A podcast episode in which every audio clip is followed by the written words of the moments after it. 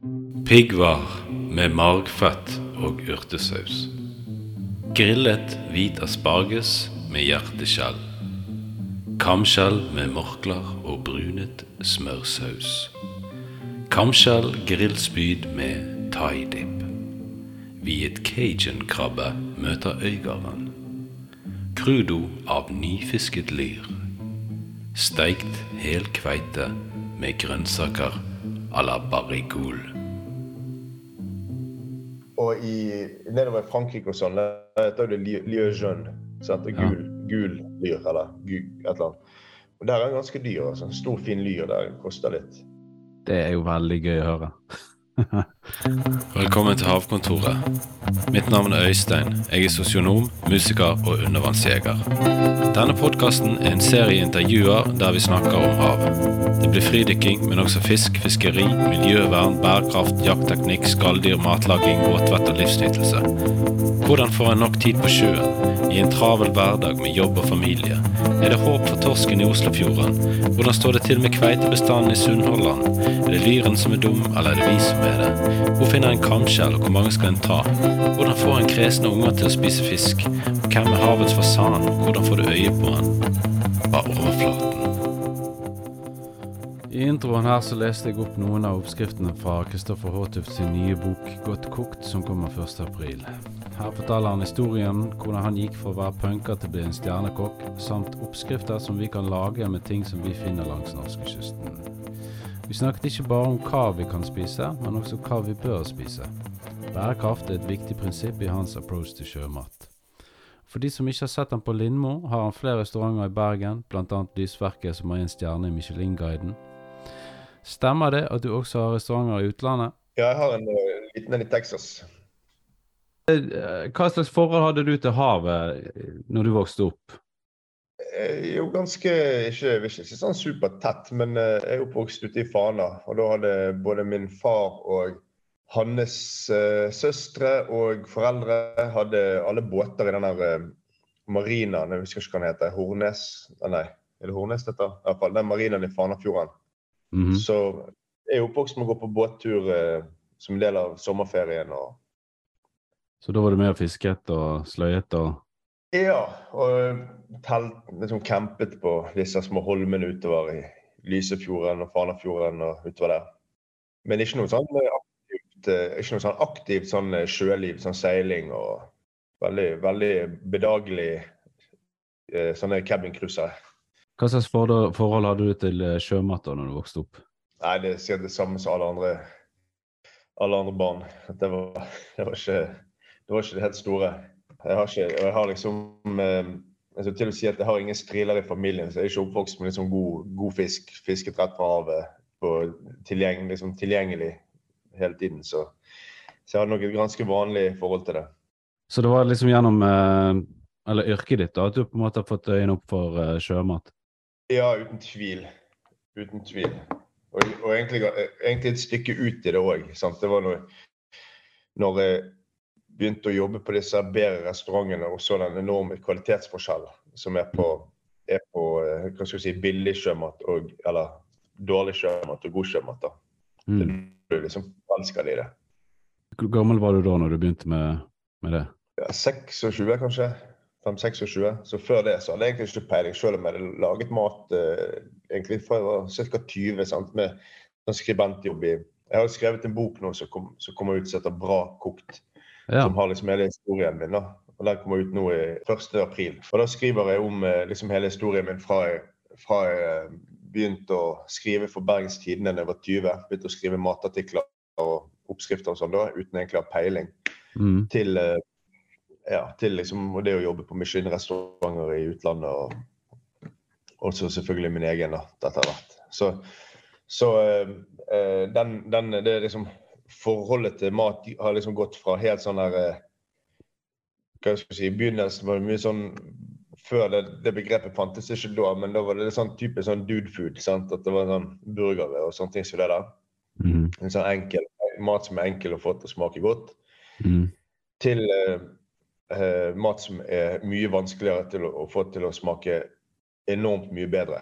Det er jo det Mm. det er. sant? Den, den beste sjømaten er ikke lettest å tilberede, men det smaker jo da også enormt godt. da. Så, så den utviklingen har liksom gått eh, Eller den er fremdeles, da, hva skal jeg si. Er det sånn at du nesten foretrekker sjømat foran uh, annen mat, eller er det liksom helt likt? Ikke nesten. Uan, uansett det gøyeste å tilberede og det beste å spise. Ja. Kult. Ja. Uten tvil. Ja. Og så er det òg litt sånn at eh, Sånn som nå, jeg sitter her på Mauritius og er med på sånn matfestival. Sant? Og, Ja. eh, da skulle jeg lage en rekerett på denne konkurransen. Og da eh, fikk jeg heldigvis veldig gode reker. Da. Men, men, men, men av og til eller det der å Når du reiser rundt i verden og skal lage mat, Mm. og du opplever hva ingredienser du skal bruke, og sånn, så vet du aldri helt kvaliteten før du kommer der. sant? Og hvis du da får Mm. dårlig kvalitet, da er det helt eh, krise. altså. Hvordan forsikrer du deg at eh, de eh, råvarene som du bruker i utlandet, er gode, da? Ja, hvis jeg f.eks. gjør noe i Paris, så har jeg en venn som er fiskehandler og en av de beste fiske...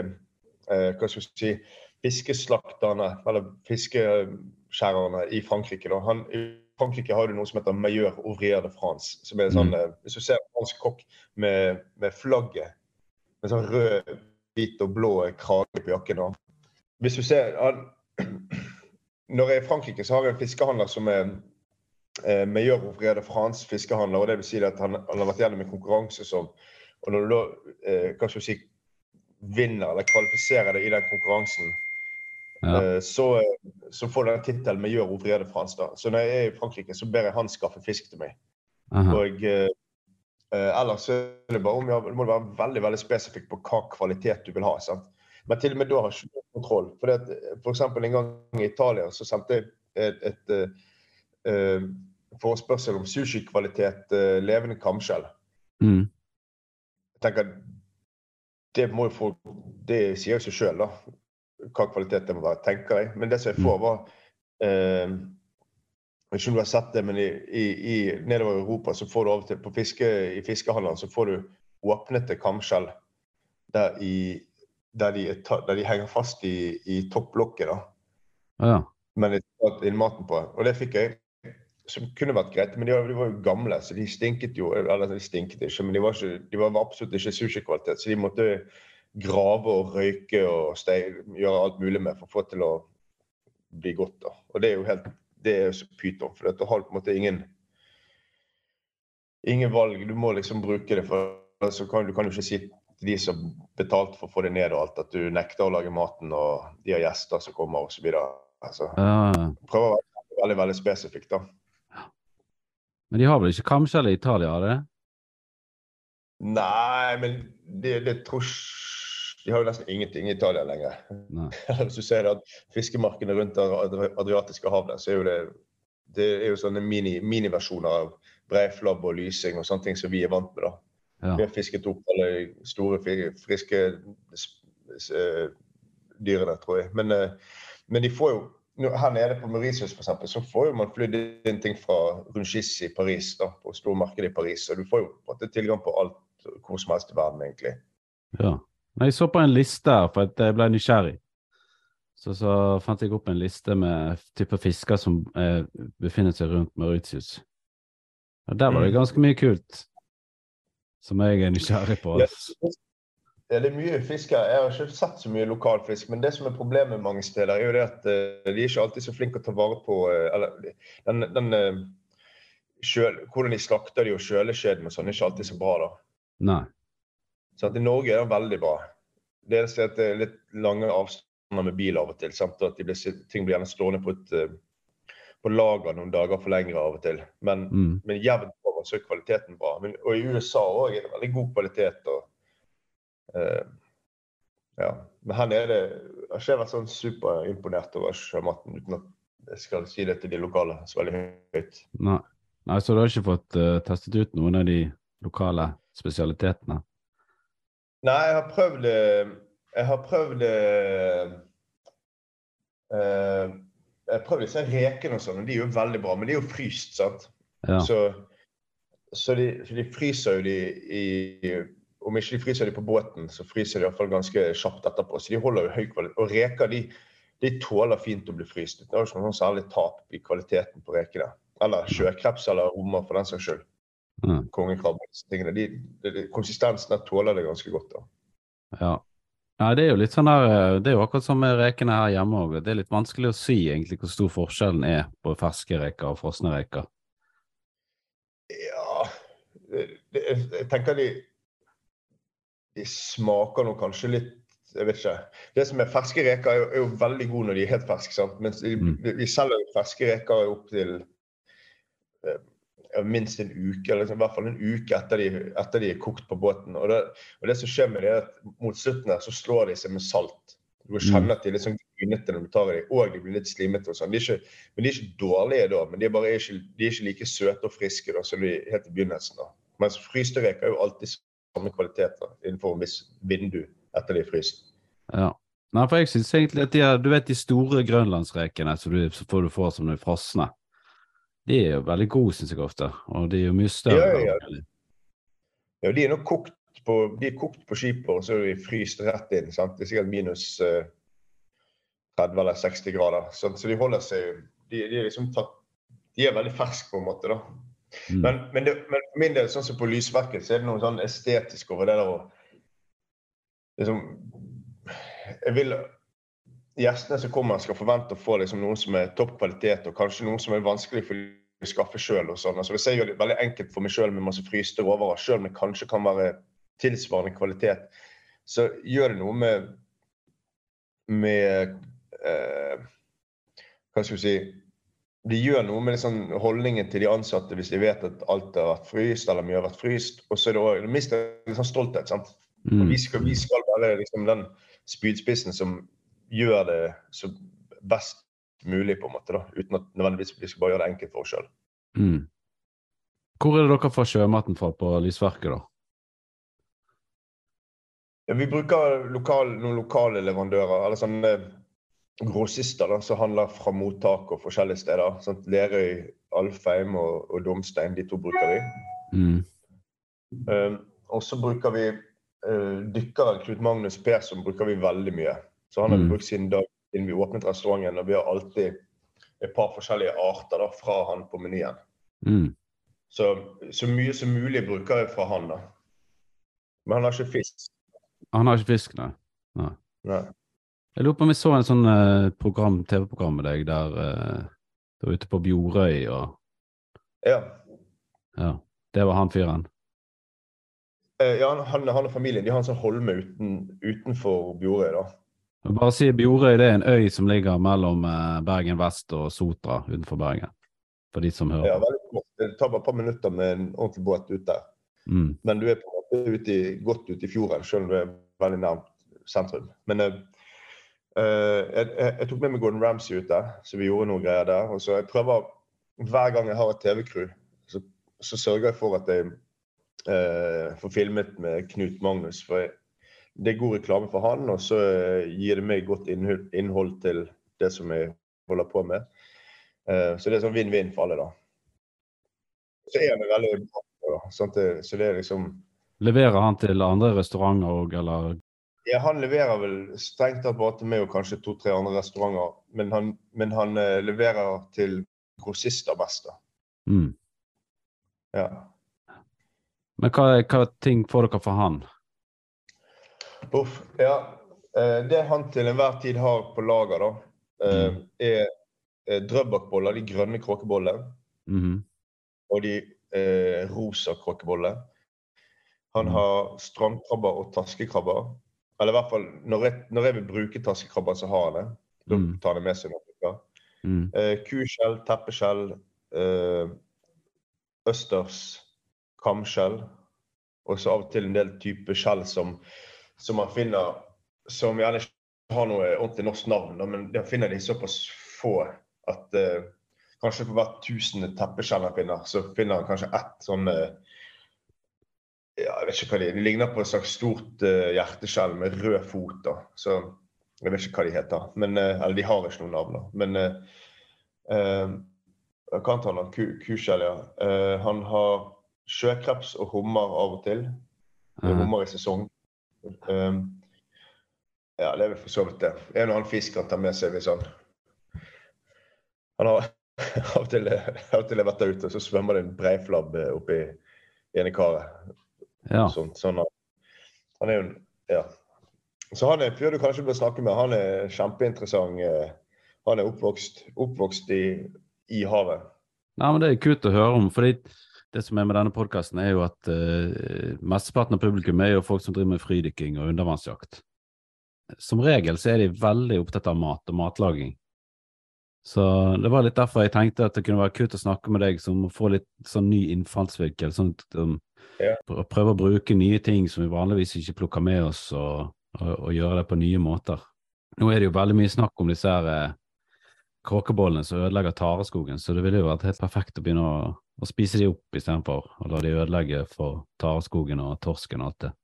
Ja, da skal du være ganske sulten og tålmodig, altså. For det er jo Ja, det, det som er så vanskelig med kråkeboller, sant? De, det er jo det at de, de går jo ned i en sånn dvale, nesten sånn dvale de, de, de får så lav stoffskifte når de ikke er mat. sant? Så, Ja. de har jo, eh, så de kan jo leve enormt lenge uten å spise. aha. Og det som skjer er at De får jo ingen sånn, de, klarer, de bygger ikke opp gonader, så de har da heller ingen mat i seg. Nei. Eh, Så det er jo en del sånn startup-selskaper som prøver f.eks. et i Stavanger som har som mål å høste disse kamskjellene, fra disse områdene, og så fôrer de på land i tanker til de er eh, spiseklare. Og de har Mhm. eh, ganske gode resultater på det. Men det der, det der å høste de som, de som er helt tom, det er vanskelig å kommersialisere det. Det er en ting. En annen ting er at det er rett og slett veldig lite mat til Ja. Og vi har jo ikke de her på vår, hos oss. Sant? Det, det, jeg, har hørt, at det har vært noen steder i eh, liksom helt sånn isolerte områder rundt, på, rundt i bergensregionen, så har de funnet disse drøbakbollene. som er Ja. de for det, det, er de det, det er de det handler om. sant? Det er de drøbakiensis, disse grønne. For de er òg jevnest god kvalitet i smaken på. sant? ja, okay. Mens de lilla de kan jo variere alt fra å smake veldig bittert og metallisk til eh, veldig sånn fruktig, nesten mangoaktig. Så det, Ja. det er litt sånn lotto, lotto om de er gode eller ikke. ja, det er det jeg har hørt. og Folk sier at det smaker som mango. Eh. Ja, jeg tror det, Da er man litt sånn sjenerøs, da, men, men de gode er veldig gode, ja. Mm. Vi har det på menyen nå, og så eh, får vi heller bare svelle tapet på de vi åpner som ikke er gode, for de får ikke vi brukt. sant? Nei. De ser du på en måte at de er det ingenting i, eller er det sånn at du Nei da, det er som regel alltid mat i de her, men du må bare smake på det, rett og slett, for å se om de er gode eller ikke. Og det er ikke sånn at det er farlig at de er dårlige sånn, liksom, men de bare ja, smaker ikke godt, da. Men hvis du på en måte skulle lage liksom en litt mer sånn dude food, da, eller en slags hverdagsrett av kråkeboller, hva, hva er det lurt å gjøre da? Nei, først er jo det å utvide hverdagsrettbegrepet, da. Sant? Det er Ja. jo det første du må gjøre.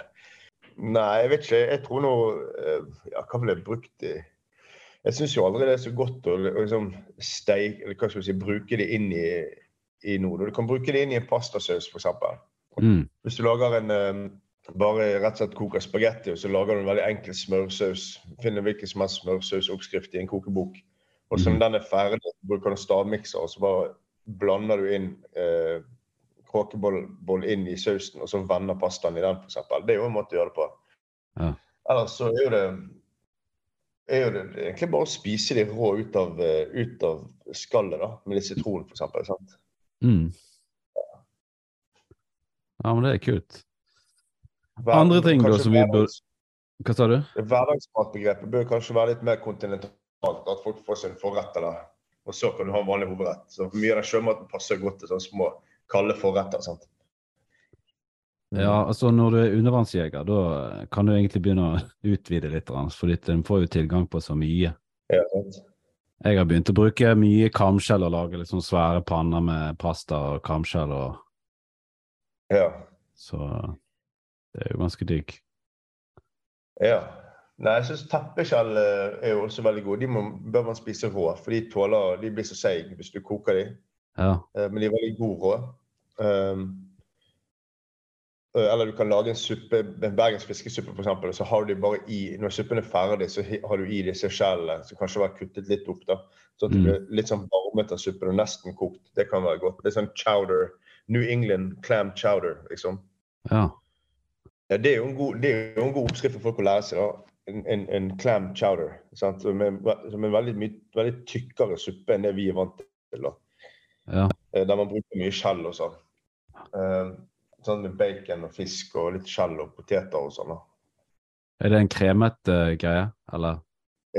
En kremet, kremet fiskesuppe. Så Mm. det skrives uh, C-H-O-W-D-E-R. Chowder.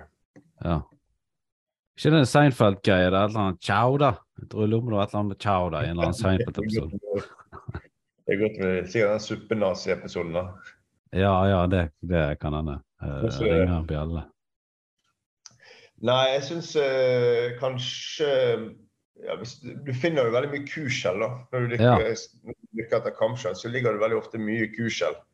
Ja. Um, og de har en åpning, en, en liten glipe i den, i den rundeste biten av, av, av skjellet. Der, der, der de stikker foten ut når de beveger seg. Aha. Der kan du stikke inn i en østerskniv uten å bruke for mye makt. Og så har han to sånne lukkemuskler, sånn som østersen har. Nei, eh, østersen og kamskjellet har. En Ja. på hver side. Så hvis du Ja. kutter de, så åpner det seg veldig enkelt. da. Det er jo veld, de, de som er de fineste av de eh, kuskjellene, de har en veldig sånn kremete, melkaktig melkeaktig eh, mage, da, sånn, sånn som en feit østers har. Og Mhm. den, den hvitaktige kremmen som er inni kuskjellet, er det samme som er, er veldig likt det som er kremet i en, i en østers -hmm. og har den samme søte smaken. da.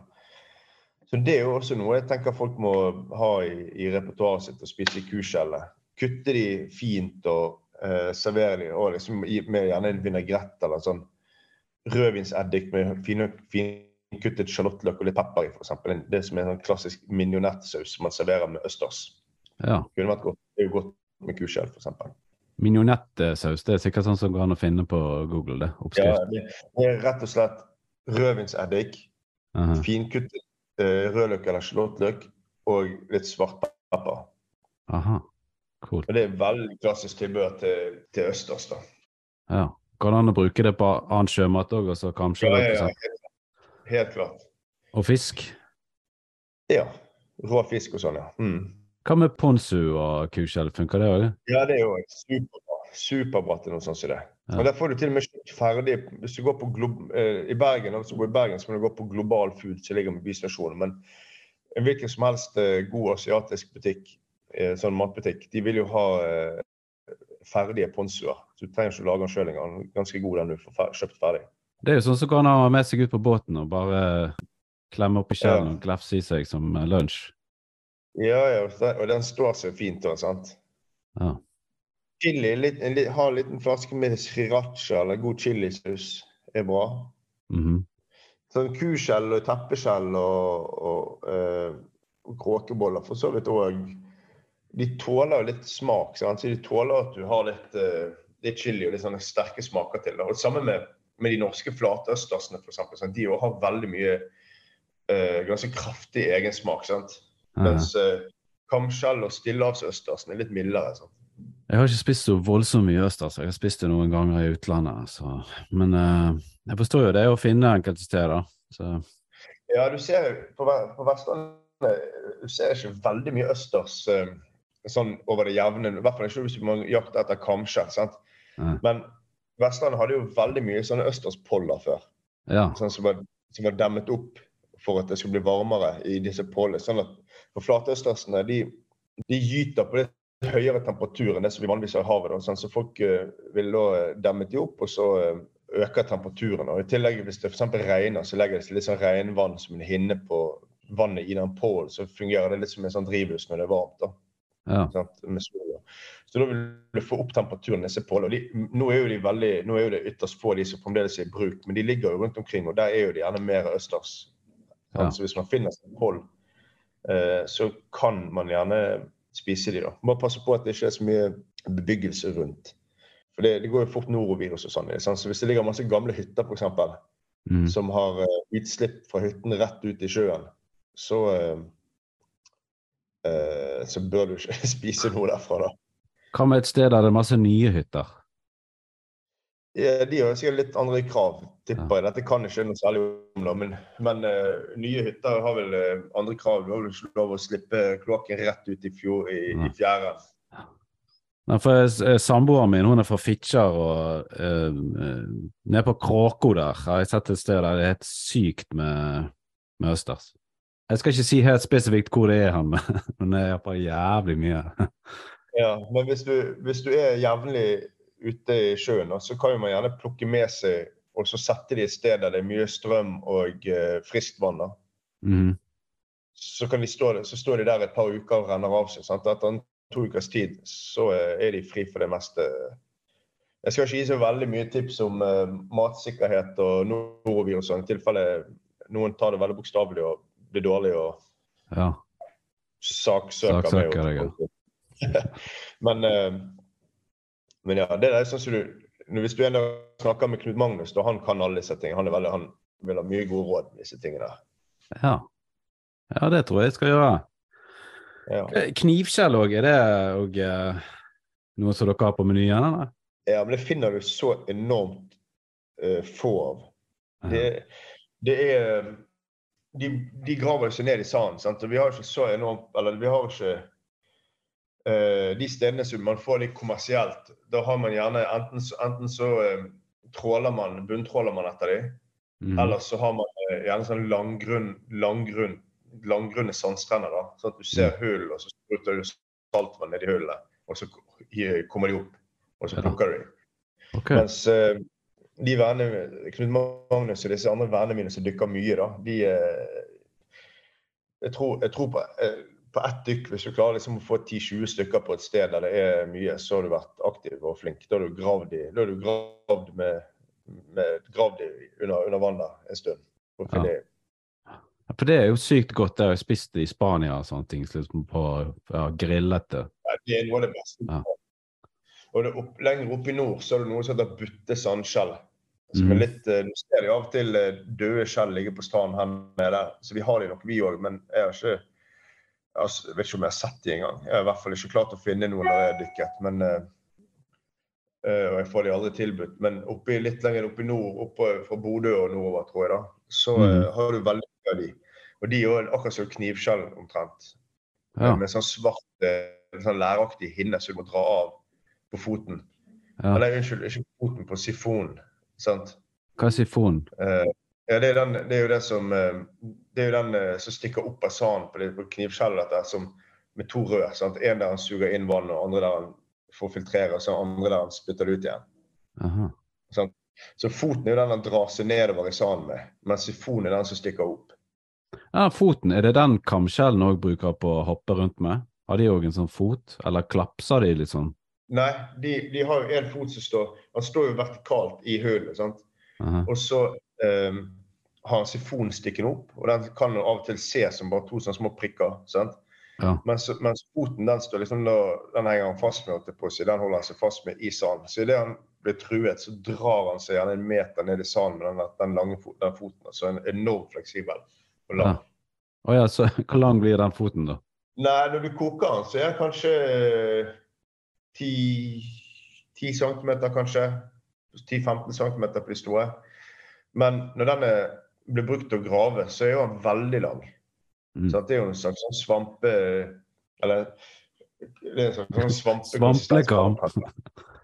Ja. ja. ja. Så den er ganske lang Den er ganske lang når han, når han trenger at den er lang. nå. Ja, men det er fett. Men eh, ja. du dykker sjøl òg? Ja, når jeg, når jeg har eh, eh TV-team, holdt jeg på å si, eller når jeg er journalist, så later jeg som jeg dykker hele tiden. Men, ja. eh, men det blir jo ikke så veldig mye tid til det, da. Men jeg har dykkerutstyr, og jeg er nå kanskje ute i hvert fall eh, Hvis jeg er heldig et par ganger i året, kanskje. Men det er ikke så mye som jeg hadde Eller i begynnelsen, jeg begynte med Lysverket, så var det mye mer. Ja. Men nå, nå, når jeg har såpass uh, mange steder, og sånn, så blir det mindre og mindre. da. Ja. Dessverre. Hva, hva, pleier du å kikke etter når du dykker, da? Åh, jeg, for meg er det meditasjon. Sånn, så jeg, jeg, liker nesten mest å bare ligge i ro og kikke. Men jeg, samtidig så er jeg jo en grisk kokk, så jeg prøver å raske med meg så mye kamskjell som mulig òg. Men, men uh, men eh, ja, nei, jeg vet ikke. Jeg syns det er bare fascinerende å bare ligge og kikke. sant? Ja. Så jeg har ikke noe sånn kjempehastverk om å prøve å raske til meg mest mulig. Pluss at hvis jeg f.eks. da er ute med Knut Magnus som jeg kjøper skjell av, så jeg tenker jeg litt sånn dårlig gjort å skulle si, si, kansellere dagens bestilling til ham fordi at jeg plukket noe sjøl. ja, det ser Så jeg. eh, ja da, så Kanskje du kan bare eh, smugle det med deg, sånn at ikke han ser det. Du tar bare fangsten etter det, det. jeg tenker at det er, ikke, det er ikke det som er det viktigste for meg, å ha det der matauket. Jeg får jo alle disse råvarene på restauranten hele tiden. Det er mest denne opplevelsen av å bare kikke og liksom være fascinert. da. Har du fått dykket i Mauritius? Nei, jeg var snorklet litt i går. Uh, jeg var ute med en sånn yacht, meg og de andre kokkene. Så da, ja. da, vi, da, da dykket vi ned og, og eh, plukket uh, kråkeboller som vi spiste om bord. Ja. Og så var det en del sånne sjøpølser og sånne ting. Men jeg, jeg vet ikke, jeg blir litt sånn der, redd, holdt jeg på å si. Jeg vet ikke om det er grunn for det, ikke, men jeg er litt sånn redd for å ta en sånn sjøpølse, sånn giftig eller et eller annet. Eller kanskje truet eller et eller annet. Altså, ja. på, på kråkeboller det ser jeg de serverer masse på øyene, så jeg tenkte det var liksom trygt å ta. da. Ja. De, de, men, eh, og de var veldig gode. Um, ja. Og så var det mye fisk og sånne ting som det der. Men ja. Delfiner jeg- Jeg skal hive en harpun på en delfin eh, for de andre på båten sin er norsk og spiser hval. Det Ah, ja, ja. syns alle var Det var, det var morsomt. men eh, nei, ja da. Jeg, har, jeg har vært i sjøen og badet hver dag. Men eh, ja, snorklet litt i går, da. Det var veldig fint. Mm. Jeg må jo si at jeg er jo, synes jo, jeg er ikke, For meg er det ikke en sånn drøm å drive og snorkle eller dykke ned i sånn her eh, sånn tropeparadis. Jeg syns jo det er mer enn eh, Jeg synes jo det, det nydeligste er jo hjemme, egentlig, syns jeg. Mm. Så jeg, jeg aldri Jeg har vært og dykket eh, Jeg har vært og dykket ut, utenfor Oman en gang. Mm. Og det er litt sånn det samme. sant? Det, jeg vet ikke, Hjemme når det er klar sjø og tareskog og noe sånn veldig sånn I hvert fall, hvert fall utenfor Bergen er det så utrolig eh, forskjellig liksom, topografi, sant? eller hva det, hva, hva det nå heter under vann. Men Mm. eh, du får sett så, så mye forskjellig på et dykk, så Mm. har jeg jeg er på en måte ikke lei av det. da. Nei. Jeg syns det er like fascinerende og deilig hver gang jeg gjør det. Ja, det er jo sykt mye fete steder å dykke. eh, Bare, altså bare rundt Bergen, men òg resten av eh, kysten og nordover òg. Det er jo helt uh, eldorado. Ja, jeg dykket opp i Bodø, ut- opp i Steigen. òg, da. Det er jo kanskje også en interessant person for deg å snakke med. Han, eh, eh, han Roderick Sloan, som holder til, han skotten som holder til der oppe. Å ja. Han er er skikkelig interessant type. da. Har solgt masse sjømat i de forskjellige beste restaurantene i verden. Ja. Og han holder til oppe i Steigen. Mhm. Men der òg er det veldig fint. Det er veldig annerledes. sant? ja, det er mange som uh, fridykker, uh, under, jakter der oppe. Ja, det er det. Jeg har hatt uh, noen gjester på podkasten tidligere som pleier å reise opp dit. Og uh, der får du jo stor kveite og torsk og ja, ja. bære Mm. greier. Ja. Roderick Sloan, ja, det hørtes ut som en interessant fyr. ja, ja visst. Han er veldig, veldig interessant. Ja. Grei kar. Men eh, hvis vi skal over på fisk Disse vanlige artene som vi får her langs kysten, eh, for eksempel lyr. Er det noe som dere eh, jobber med på lysverket, eller det er litt sånn Ja, litt av og på. Men jeg syns jo det er en av de mest undervurderte fiskene vi har. da. Det er jo en Mm. veldig fin eh, Hadde jeg hatt en sushirestaurant, så ville jeg nok sikkert brukt lyr fast, tror jeg. Ja. Ja, for Den har, har fin konsistens og eh, Kanskje ville jeg sagt at den passer bedre til sashimi enn eh, torsk og hyse og pale, eller sei. Ja. Sant? Og i, nedover i Frankrike og sånn, der heter det li- lieu jaune. Sant? Og gul, gul lyr, eller gul, et eller annet. Og der er den ganske dyr. altså. En stor, fin lyr der koster litt. Ja. Det er jo veldig gøy å høre. Ja, Det syns jeg er veldig fin fisk. Ja. Nei, det er jo helt koko masse lyr. mye- Mm. Hva sa du? Nei, nei, bare fortsett. Ja, og eh, sei brukte vi masse når vi åpnet lysverket, men det ble folk litt sånn fornærmet fordi at de gikk på dyr restaurant og fikk servert eh, sei.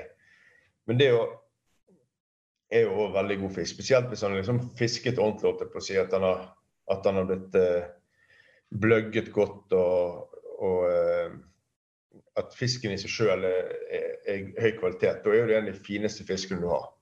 Ja.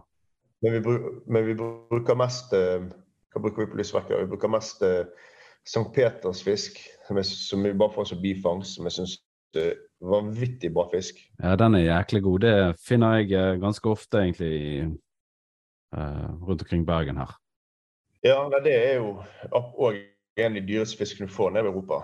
Mm. Og pigger bruker vi når vi får det. det er jo ikke alltid, vi, vi får jo aldri det jevn, jevn kvalitet. da. Um, Ja. Eller jevn levering på det, her på Vestlandet i hvert fall. Piggvaren det, det er jo kanskje den jeg er mest glad i å bruke. Og så bruker vi en del uer. Ja. Ueren er òg en av de mest undervurderte fiskene vi har. Vi, vi har jo en kinesisk restaurant som heter Banja, som vi åpnet i fjor. Og der, eh, eh, De har jo en tradisjon for å spise fisk hel. mer, sant? Ja. Mm. Og eh, da, da bruker de gjerne den, den type fisk som en uare, da, Mm. Med sånn mindre fileter og ikke, litt sånn rundere og ikke så lang som en torsk eller sei eller lyr. sant? Mm. Og der, der friterer, vi, der friterer vi hele fisken på Mm. banja. da, Uer. Og det er jo enormt godt. Mens på lysverket, da, da skinnsteiker vi den. Ja. Eh, tar ut fileten og skinnsteiker den. Så det liker jeg òg veldig godt. De tre har vi alltid. Og så har vi litt sånn av og på eh, torsk og skate bruker vi mye nå for tiden. Mm. Det er jo en av de fineste fiskene jeg vet om. Ja. ja, den er òg kjempegod. Jeg eh, fikk en skate i sommer i Eikelandsosen. Oh, ja. Min bror har eh, min bror og kone har hytte der inne, så jeg eh, spiddet en skate rett eh, utenfor båtkaien hans der. Å ja, wow. Var han stor, da? Nei, den var ikke så veldig stor. Det var en sånn kloskate. Ja, det har jeg hørt om. Ja. ja, det er en av de vanligste her på kysten på Vestlandet. Mm. Ja. Så det er jo vingene, da. Nei, jeg, vi veide den ikke. Jeg har, jeg har et bilde av den jeg kan sende til deg, men eh, Nei, det var kanskje halvannen kilo, kanskje. Å ja. ja. Da er det mye arbeid for relativt lite kjøtt. Ja, nei, eh, min bror eh, skjærte den opp, og det ble liksom noen fine fileter da, som jeg lagde ceviche av dagen etterpå. Å ja. Ja, var det godt? Ja, det var kjempedigg. Den har en veldig sånn her eh, Jeg syns den minner litt om den her Altså sånn pulpo, sånn her den hvite eh, akkaren som du får nede i Spania. Ja. Men i litt sånn her trevlerakker, så litt sånn her tjukke, tjukke Akkurat som tjukke spagettier, nesten. Men hard Ja. som akker. ja. Så, Mm. Jeg har ikke, jeg har ikke prøvd å lage ceviche av det. Vi bruker vi lager mye ceviche og sånn i, i eh, Texas, på restauranten der. For der er det så mye latinamerikansk eh, kultur. Sant? Og kokkene, veldig mange av kokkene er fra forskjellige latinamerikanske land og, og har sushi-bakgrunn. Vi, vi lager en del, sånn, en del retter som er sånn i, grensen mellom eh, eh, sushi og ceviche og crudoer og sånne ting som det der. Det er jo veldig godt. Crudo, det er mer sånn uh, carpaccio-aktig greie? Ja, så det blir på en måte kanskje gjerne italienernes eller italienernes måte å si ceviche på, eller mm. sashimi på. Da, på en måte. Det er liksom rå fisk med, med saus til på et eller annet vis og sånn. Mm. Råmarinert. sånn. Det er faktisk ganske mange som begynte å snakke om at uh, ceviche på berggylt er veldig godt. Ja, det kan jeg tro. Ja. Nå er jo ikke så mye berggylt igjen, da, så vi skal kanskje la de få lov å svømme fritt en stund. Ja, det er nå noe Jeg pleier å se ganske mye av det når jeg fridykker. Altså. Det, det er Ja, de fiskene jeg alltid ser. Ja, men de har fisket opp så mye av det til disse her, eh, oppdrettsanleggene og sånn, sånn, så, sånn rensedyr. Ikke den rognkjeksen de er mest Jo, men berggylt òg. Så jeg, Ja. jeg, tror, jeg tror at det er sunt å, å la de få, få være i fred en stund, tror jeg. Alle disse små forskjellige typene med leppefisk som ligger rundt uh, i fjæren og sånn. Fiskerne får veldig mye penger for de levende. sant? Ja. Og gjerne de har egg i seg og sånn òg. Og, og sånn, så så uh, hvis det er bifangst, sånn, så bør man uh, selvfølgelig All bifangst bør man spise. Men jeg syns ikke man burde aktivt gå etter dem. Nei. Nei. I hvert fall ikke før til eh, Dette burde noen på hav... Kanskje noen på havforskningen ville vært en interessant gjest en dag. For jo, det må du, han må du snakke med. Han heter Arne Dunker på Havforskningsinstituttet. Ja. I hvert fall, de, jeg snakker mye med disse på Havforskningsinstituttet når jeg har spørsmål om bærekraft og sånn. Ja. Og, uh, uten at jeg skal pålegge havforskningen en mening om berggylt eller ikke, så har jeg, i hvert fall- jeg mener jeg har fått inntrykk av at det er noe vi bør være litt forsiktige med for tiden. da. Ja. Nei, jeg pleier Jeg har eh, Jeg tok en berggylte i fjor som jeg hadde i en teine. Men ellers har ikke jeg tatt steget, altså. Men jeg har lurt på det. Jeg har en kamerat som pleier å ta med seg en av og til og spise de. Ja, for det, det, er god suppefisk og sånn òg, da. Mm. Ja, men de er gjerne små fileter. sant? Og så er det så jeg riktig, så er det litt sjokul og ganske store skjell og sånn på dem. Så det er, Ja. litt, det er litt arbeid med dem. Men, eh, men enhver fisk som lever av å spise små skalldyr og andre eh, og som lever liksom i, i, i, eh, i sånn tareområde og, og sånn rundt kaien. Alt er jo fisk som smaker godt. Vi har liksom en god, en god diett. Ja. Nei, men jeg kan sikkert få en eh, kommentar. Jeg har hatt en gjest fra Fiskeridirektoratet allerede. Ja. Så, men det vil jo være naturlig å ha noen fra Havforskningsinstituttet òg, for de er jo kanskje Ja, de, er bra. jeg synes jo de har for, i Bergen, Vi er veldig heldige Bergen som har, har, har Havforskningsinstituttet her. For de, de har jo også et opplysningsmandat, sant? så de er veldig flinke til, å, til å bidra og in, in, involvere seg i forskjellige Og så er jo de oppriktig glad i og interessert i fagfeltet sitt. Sant? De, er liksom, de er glad i fisk og sjømat. Mm. Mm. Ja, og det er jo eh, alle undervannsjegere òg, så det er jo viktig å formidle den kunnskapen. Sånn det, jeg tenker det er relevant å få fram egentlig hva fisk vi bør la jeg være i fred, og hva vi bør ta. Ja, jeg har jo et godt eksempel der. For det, når, når makrellstørjen kom tilbake igjen til Norge, Mm. Mm. og de, de satt kvoter på det, så tenkte jeg sånn Nei, det der er jo idiotisk. Denne fisken er jo utvinningstruet og absolutt ikke noe vi bør spise.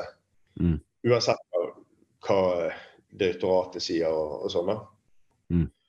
Så sa jeg Jeg vet ikke om jeg sa det i intervju, eller jeg vet ikke hvor- tid jeg sa det, men da fikk jeg ganske sånn klar beskjed fra Havforskningsinstituttet om at nei, her tar du feil. Dette bør vi spise, og det er bærekraftig. Mm. Og da, da ba jeg de utdype det litt, og da inviterte de meg og et par andre kokker til å komme bort på havforskningen. Og, og vi fikk rett og slett et foredrag av en av, eh, en av disse forskerne som spesialiserte seg på, eh, på, på makrellstørje. Da. Og da, eh, da, da gikk jeg derfra med ja, Etter det så, har vi brukt, så bruker vi det hvert år. Sant? Så, for det, da hadde jeg, mening på hadde mening om noe jeg ikke hadde peiling på. Og det har jeg ofte, da. Men, eh, eh, men da, ble, da ble, fikk jeg beskjed om at jeg tok feil av en som garantert har mer peiling enn meg. Og det er jo veldig greit. Hva, hva, hva er det som er den mest bærekraftige fisken å spise, da? Sei, tror jeg. Ja. Ja, nei, jeg vil jo sei vi burde spise mye mer av.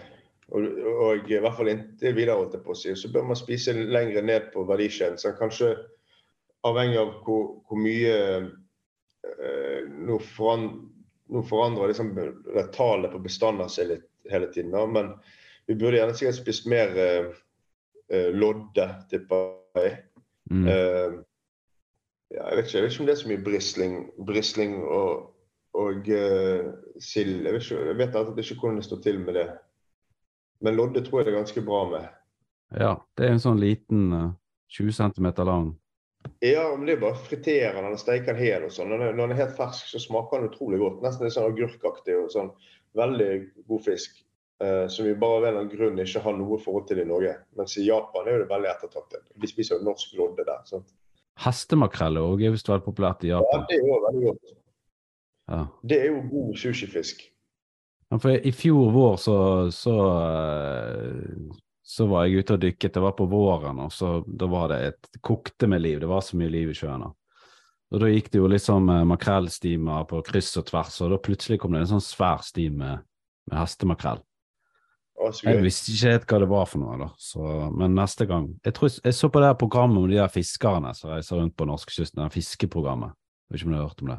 Ja, Det er sånn her, litt sånn reality-TV-konsept med noen fiskebåter fra vestlandskysten som reiser opp og ned på kysten, så følger de de i det daglige. Og de fisker det på De har en sånn ekstra kvote på hestemakrell som de eh, fisker og selger til japanerne. Å ja, OK. Ja. Ja, Hval hval syns jeg kanskje vi burde spise litt mer av. Ja. Og så, sånn, Der er jo det én båt igjen på Vestlandet som eh, var, på, var på Feie, og nå har han kjøpt eh, og holder til på, på i Bøvågen.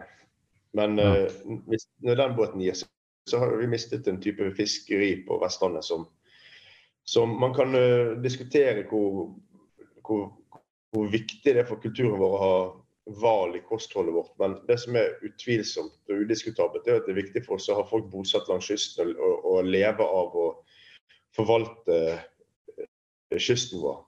Ja. Så hvis vi mister forskjellige typer med fiske, og alt ender opp med å bare bli industritrålere, mm. så har vi mindre Ja, da er vi rett og slett mindre rustet til å ta vare på naturen vår. da.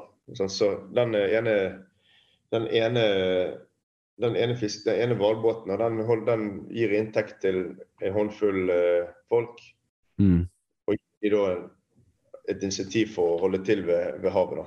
Så jeg syns mm. det er viktig å, viktig å, verne om det. Sant? Klippfisk og sild og røykeprodukter, alle disse tingene som har vært viktig for kystkulturen vår. Det, det bør vi, vi, bør vite om det. Ja. Ha, ha et forhold til det. Så det er noe som du har med i tankene når, når, du, når dere setter opp menyene for hva dere skal ha på menyen? Ja. Dette skriver jeg litt om i denne nye boken min. Da. Men eh, når hval er i sesong, så syns jeg vi skal spise litt av det. Mm -hmm. Eh, ikke så mye, for det er jo et stort pattedyr. sant? Bør spise store pattedyr med andakt. Mm. Så jeg prøver å servere en liten i hvert fall en liten bit, en liten kanapé til hver gjestene mine med det i, når den er fersk og i sesong. da. Jeg, jeg syns ikke det smaker noe godt når man har vært fryst, da, så da, da, da unngår vi det. Hvilken type hval er det de Vi snakket faktisk om det her nettopp eh, med han fra Fiskeridirektoratet. Hvilken type hval det er som de jakter på i Norge. Det er jo bare én type. Vågehval. Vågehval, ja. Mm. ja. Men det er ikke noe vi skal skyte med harpun? Eller jo, du skal faktisk skyte med harpun, ja. men ikke fra under vann. ikke en strikkharpun. Nei. ja. Da plager, da plager du hval, tror jeg, mer enn du gjør noe annet. Det er egentlig litt sånn dumt. altså Tenk på litt sånn at det var et parti som het Kystpartiet. sant? Det burde jo vært et, et, et seriøst og edruelig kystparti òg, som på en måte brydde seg om å ta vare på kysten og ressursene. Det, altså Kystpartiet var jo bare det var jo bare rovdrift.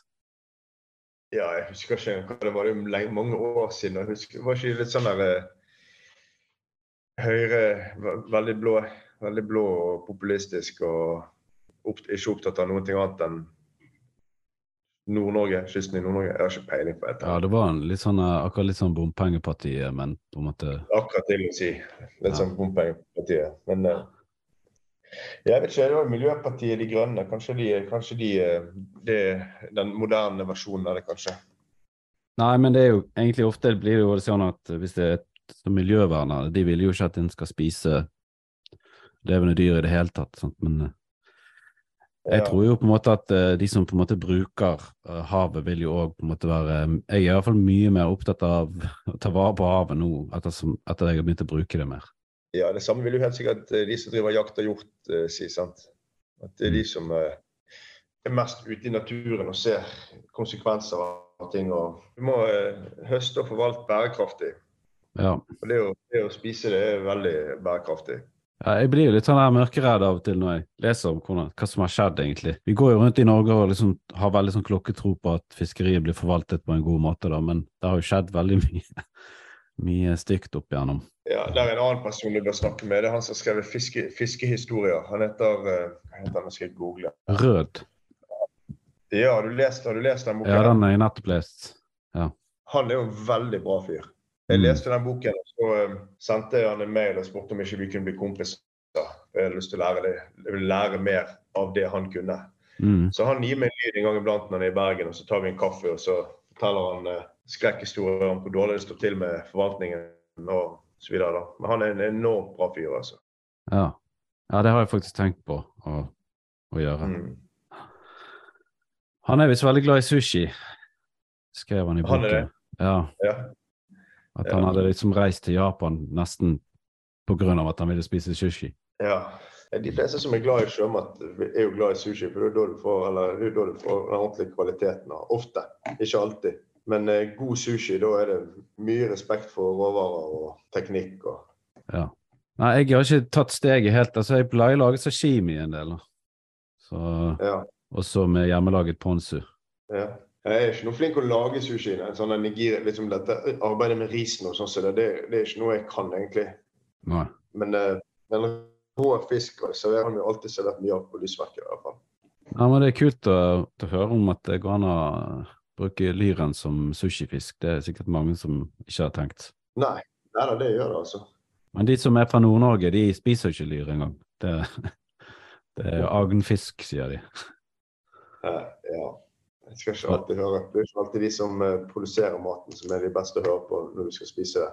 Og av og til er det, men ikke alltid. Ja, nei, Jeg ble veldig overrasket når jeg var i Nord-Norge og hvordan det sto til med liksom, fisk. At det var, egentlig var det ganske vanskelig å få tak i fersk fisk der. Det hadde jeg jo aldri trodd. Ja, ja. Så. ja men det er store avstander. sant? Så Hvis du har mottaket et sted og du bor eh, fire timer med bil et annet sted, i et bitte lite sted, så er det gjerne ikke noe eh, grunn for folk å sende en bil med fisk dit. Noe marked, sant. Nei. Men du får jo tak i bedre fisk i supermarkedet nå enn du gjorde før. Så nå får du disse vakuumpakkede torskeloinsen og, og lakseloinsen og alt det der. Så jeg tror jo eh, det, jeg tror kanskje lettere tilgang, selv om fiskedisken er på vei vekk. Så har du i hvert fall tilgang på, om ikke så mye utvalg, så i hvert fall fersk og god fisk. da. Ja, det er jo kult. Jeg kjøper jo ikke så mye fisk, da. Uh, Nei, så. du har kanskje du ordner det på annet vis. Pleier å fikse det ganske greit. Det blir litt mer glissent nå om vinteren, for det er ikke så mye fisk. Men Nå er det jo mye kramskjell. Ja. Så. Har du hatt noe særlig erfaring med, med så harpunfisket fisk? Nei. Uh, ja, eller jo. I Texas der får vi flyndre. Der, mm. der uh, heter det jigging, er det de kaller det. Men der, uh, der går flyndre inn på sånne disse veldig grunne bankene. Så har vi disse flate båtene. Mm. Og så lyser jeg etter han, og så stikker jeg med harpuner.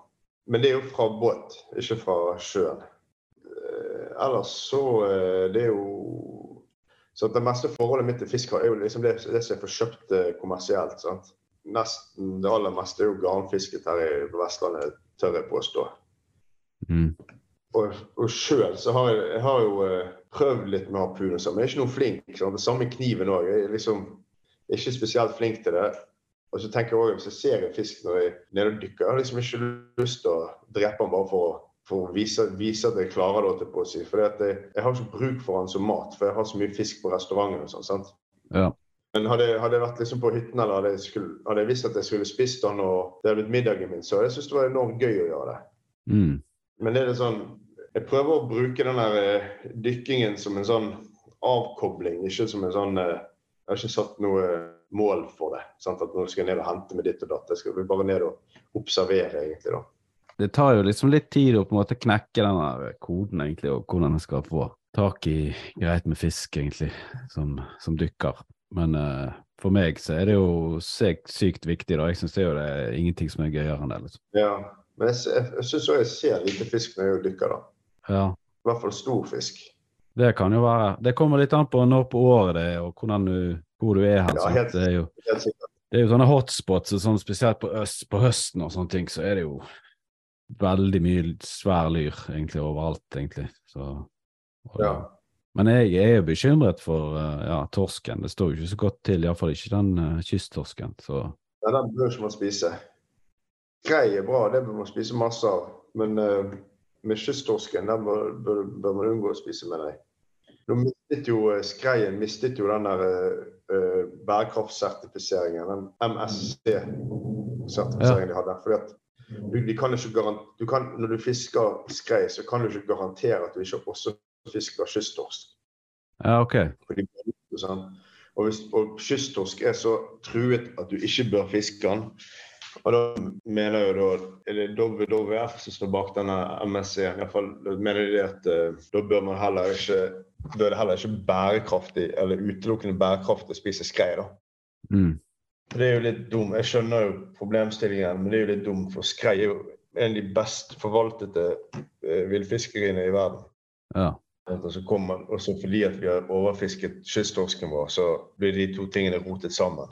Ja, nei, men det er, jo, eh, det er jo et godt innspill som folk kan tenke på. Der er, jo, der er jo en del torsk. Det er jo mange andre forskjellige faktorer som spiller inn. Da, som altså det med utslipp og høyere temperatur og, og når mange sier det at torsken er på vei nordover da fordi sjøen er blitt varmere. Ja, Nei, det, det blir veldig sammensatt. da. Så Jeg, jeg prøver ikke å ha noen spesielt stor mening om hvor, hvorfor ting er sånn som det er, men, men uh, bare få med meg at vi bør være forsiktige, i hvert fall. Hva tenker du om sånne bag limits?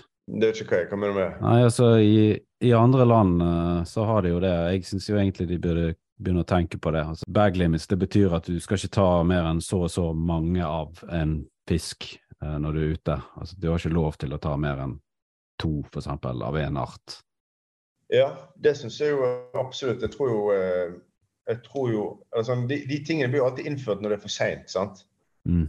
Så eh, fritidsfiske står nok for veldig mye eh, av grunnen til at det, det er så lite kysttorsk og annet stort kystfiske igjen. sant? Mm. Um, og sånn for dykking og sånn, kamskjell og dette Nå er det mye, det er mye kamskjell helt til plutselig ikke er det. sant? Så Vi, mm. vi er på en måte oppvokst med, med, med, å tro at det er uendelige mengder med kamskjell på, på Vestlandet. og sånn, for det, kanskje, det går ikke an å tråle etter dem. sant? Mm. Men hvis alle skal fridykke og ta det de mener de har krav på, så er jo det plutselig iallfall i sikkert områder, områder der det kan fort bli tomt og sånn. Så, mm. så jeg vet ikke om eh, det er ganske stor det er ganske sånn Innenfor miljøet i fridykking så er det, det er mye sånn verdier og det er mye formidling av disse verdiene. Ja, jeg skal til å si det. Jeg har også, Av alle de jeg kjenner som dykker og, og jakter, og sånn, så er jo, man har jo veldig respekt for naturen. da. Det er jo veldig bra. Uh, men samtidig så har jo ikke man kunnskap heller. sant? Så mm. Vi vet f.eks. ikke hvor mye kamskjell det er. Nei. Vi antar jo bare. sant? det er jo dumt å skulle regulere noe fordi man ikke stoler på folk og sånn, men eh, jeg vet ikke. Jeg vet alt at det ikke Jeg tror det er mange som eh, kunne tenke seg at det skulle være regulert, sånn at vi kan få beholde det, det, det tror jeg det er mange som kunne vært med på, altså. Og Da tenker jeg òg egentlig at uh, sportsfiskere òg kunne tenke litt i de baner. Altså. Ja, i hvert fall Ja. Ja, nei, det er klart. Det er mange som tjener penger på å leie ut uh, sånne hytter og fiskebåter langs kysten. Der folk mm. fisker enorme mengder med fisk og tar med seg ut av landet eller og sånn. Og det er jo ikke veldig bra. Nei, det er jo snakk om at det er ganske mye ulovlig òg. Altså at de tar med ut mye mer enn hva de har lov og sånne ting også. Ja, sant. Og der har jeg bare hørt uh, overskriften, på å si. sant? så jeg vet ikke hvor, hvor uh, stort problemet er og hvor nøyaktig det er. Sant? Men når du hører sånne ting om uh, Eh, bobiler som blir stoppet på grensen med en 200 eh, liters frys full av filet av loin. Mm. Mm. Så er jo ikke det noe kult. Det er jo vanskelig å håndheve de greiene der, og da må du jo ha Men alle andre land er jo veldig mye strengere regulert, sant? med sesonger og, og Bare se på kamskjell. Eh, liksom disse reguleringene rundt kamskjell i heter det, uh, Bay of Massachusetts rundt på østkysten i USA, sant, så er det veldig strengt hvor mye folk får lov å, å fiske og dykke etter eh, daglig. og, og sånn, sant, og det, liksom, Når vi har ingenting, så det, kan jo ikke det være bra. Nei, det burde jo kanskje vært litt eh, Men altså, jeg tror at uh, undervannsjegere kan bre kunnskap om disse tingene. her, Det tror jeg absolutt. Og det, Vi har en kjempestor kyst, og vi er ikke så mange folk, så jeg tror egentlig det, det er bedre for bevaring av kysten at det er flere folk som dykker. Ja, selvfølgelig er det det. Og så er det òg bra hvis jo flere En ting er fritidsdykker nå, men det hadde, veldig, det hadde vært veldig bra hvis det var flere folk som fikk som kommersialiserte dette. sant? Mm. At, uh, sånn som du ser på Knut Magnus, han har, han har begynt med han begynte vel med, kam, med kamskjell, og nå har han veldig mange arter som, som han selger. Mm. Som, gjør at det er større økonomi for en person som han å, å drive og høste av havet. sant?